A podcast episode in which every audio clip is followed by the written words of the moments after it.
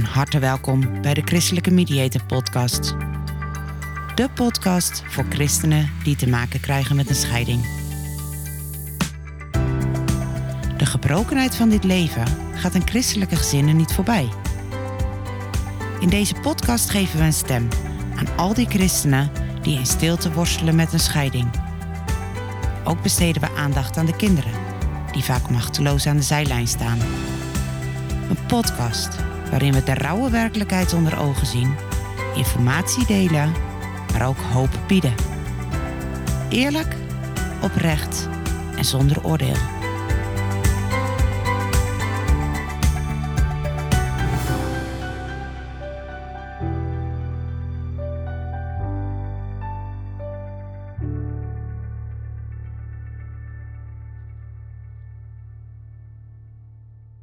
Welkom bij de Christelijke Mediator Podcast.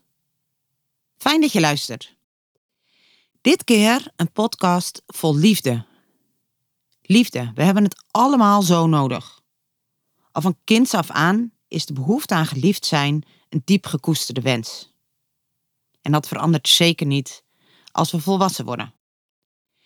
In eerste instantie lijkt het wellicht vreemd, een mediator en scheidingsspecialist die het over liefde heeft toch verlang ik er al langere tijd naar om een podcast te maken over dit onderwerp. Over liefde. En niet zomaar liefde, liefde met hoofdletters. Zijn liefde. Zijn liefde voor jou. Zijn liefde voor mij. Zijn liefde voor ons allemaal. Dagelijks, ja echt dagelijks, spreken christenen die worstelen met dit thema. Deze podcast is vooral bedoeld voor al die mannen en vrouwen die zich afgewezen voelen Afgewezen door hun partner. Afgewezen door hun familie of schoonfamilie. Afgewezen door de kerkelijke gemeenschap. Voor al die mannen en vrouwen die zich verslagen voelen en bij wie het gevoel van falen de overhand heeft. Voor al die mensen die zich eenzaam, alleen en wellicht zelfs verstoten voelen. Beloften van God, zoals vraag en er zal je gegeven worden, zoekt en je zult vinden, klopt, klop en er zal voor je worden opengedaan. Het klinkt zo mooi. Zo veelbelovend. Maar wat nou als jij doodse stilte ervaart, ondanks volhardend gebed? Afgelopen week sprak ik nog een jonge man. Hij vertelde over zijn eenzaamheid, over zijn zoektocht, hoe hij juist door teksten als deze zich verloren voelde.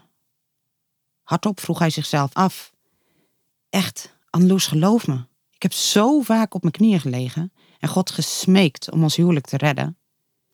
Heb ik niet genoeg gebeden? Geloof ik niet genoeg? Ziet God nog wel naar mij om? Is Hij nog wel met mij en met ons begaan? Of heeft God mij opgegeven? Hij smachtte naar een teken uit de hemel. Een teken dat God nog naar hem omzag. Hij had behoefte aan een arm om zijn schouder en mensen die er voor hem waren. Mensen die even geen mening en geen oordeel hadden.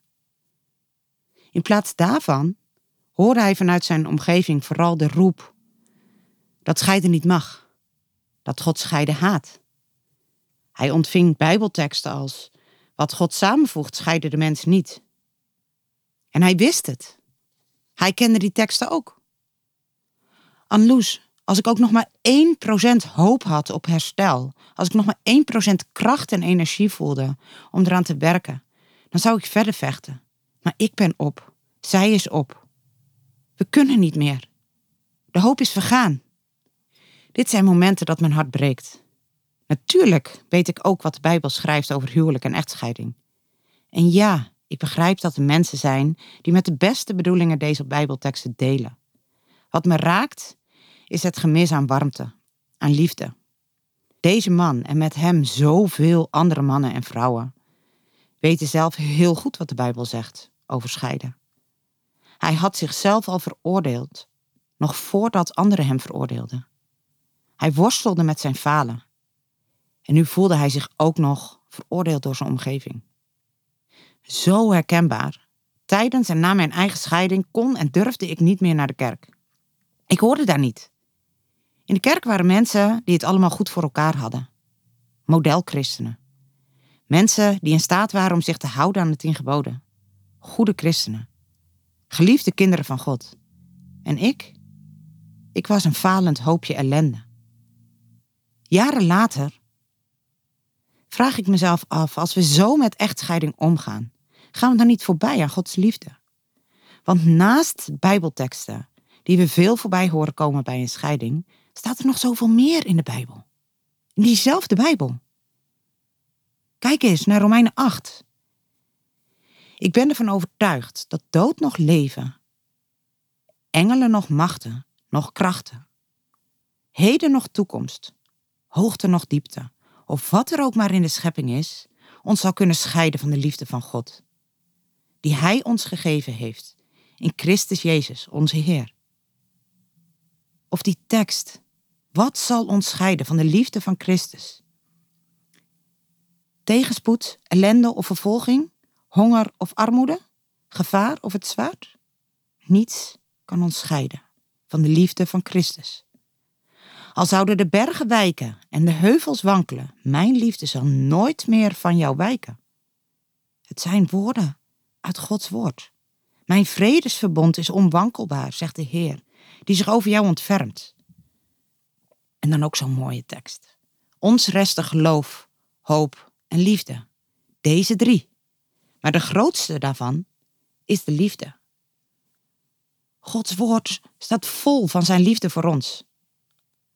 Want al zo lief heeft God de wereld gehad, dat hij zijn enige geboren zoon heeft gegeven, opdat een ieder die in hem gelooft, niet verloren gaat, maar het eeuwige leven hebben. Twee regels met zoveel inhoud, zoveel waarde. Twee regels vol liefde en genade. En aan die genade en die vergeving mogen we niet voorbij gaan. God heeft de dood overwonnen. Voor jou en voor mij. Zoals ik al aangaf, spreek ik vaak, heel vaak christenen die een diepe worsteling doormaken en het idee hebben dat God niet langer naar hen omziet. En ja, ik weet dat als geen ander dat dat gevoel zo sterk kan zijn. Maar gelukkig weet ik ook dat zijn liefde zoveel sterker is. In de periode van mijn scheiding kreeg ik van een vriendin een kaart. Die kaart heeft heel lang op mijn nachtkastje gestaan. Je kent hem vast. Ik droomde eens en zie, ik liep aan het strand bij lage tij. Ik was daar niet alleen, want ook de Heer liep aan mijn zij. We liepen samen het leven door en lieten in het zand een spoor van stappen, twee aan twee. De Heer liep aan mijn hand. Ik stopte en keek achter mij. Ik zag mijn levensloop. In tijden van geluk en vreugde, van diepe smart en hoop. Als ik het spoor goed bekeek, zag ik langs heel de baan, daar waar het juist het moeilijkst was, maar één paar stappen staan. Ik zei toen: Heer, waarom dan toch? Juist toen ik u nodig had, juist toen ik zelf geen uitkomst zag, op het zwaarste deel van mijn pad. De Heer keek mij vol liefde aan en antwoordde op mijn vragen. Mijn lieve kind, toen het moeilijk was, toen heb ik jou gedragen.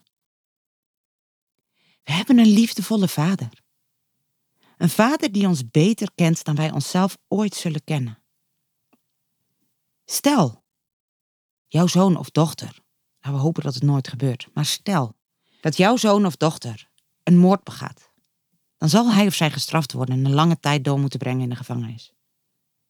Wat zou jouw reactie zijn? Stop je met houden van jouw geliefde kind? Of zoek je je kind met regelmaat op om hem of haar moed in te spreken en te vertellen dat ondanks alles jouw hart overstroomt van liefde voor hem of haar? En als jij als aardse vader of moeder zo omgaat met jouw kind, probeer dan eens in te denken hoe onze hemelse vader naar jou kijkt. Ik moet dan ook vaak denken aan de gelijkenis van de verloren zoon. Lees het maar eens na in Lucas 15 de verloren zoon. Wat betekent dat verhaal voor ons? Wat heeft het ons te zeggen? Het is misschien wat bekendste verhaal uit het Nieuwe Testament van de Bijbel. Rembrandt maakte er een schilderij van dat wereldberoemd werd. Waarom vertelde Jezus het verhaal van de verloren zoon? Op een dag klopt een jongen aan bij zijn vader. Hij wil alvast zijn deel van de erfenis. Zodra hij het geld binnen heeft, gaat hij op reis naar een ver land en smijt alles over de balk. Hij leidt een losbandig leven. Je kunt je er vast wel iets bij voorstellen. Totdat zijn geld helemaal op was en er een hongersnood kwam. Logischerwijs kreeg de jongen spijt. En hij besefte dat hij het nog slechter had dan de werknemers van zijn vader. Tegelijkertijd had hij het gevoel dat hij het niet meer waard was om zijn zoon geheten te worden. Hij keerde terug en neemt zich voor om tegen zijn vader te zeggen dat hij het niet meer waard is om zijn zoon genaamd te worden. Maar dat hij heel graag in dienst wil werken zoals andere werknemers bij zijn vader. Zodra hij het erf opkomt, staat zijn vader met open armen op hem te wachten. De jongen krijgt niet eens de tijd om zijn spuitbetuiging af te maken. Zijn vader organiseert een groot feest om zijn terugkomst te vieren, want zijn verloren zoon was gevonden. Hij stond al op de uitkijk. Hij stond te wachten op zijn zoon. En geloof me, God staat ook voor jou op de uitkijk. Hij houdt van jou. Jezus vertelde dat verhaal van de verloren zoon na twee verhalen over een herder. Een herder die zijn 99 schapen in de steek liet om er eentje te redden. Er was er eentje kwijt, die ging die zoeken. En een ander verhaal van een vrouw die het hele huis op zijn kop zet om één muntje te vinden. Al deze drie verhalen gaan over iets of iemand die terugkeert nadat het verdwaald of kwijt was. God is de herder van het verdwaalde schaap, de eigenaar van het zoekgeraakte muntje en de vader van de verloren zoon. En hij wil niets liever dan terugkrijgen wat verloren is. Zo wil hij ook jou niet kwijtraken. Jij hebt zelf de vrijheid om jouw eigen keuzes te maken, net als de jongen die op reis gaat. Maar uiteindelijk wil God dat je bij Hem thuis komt.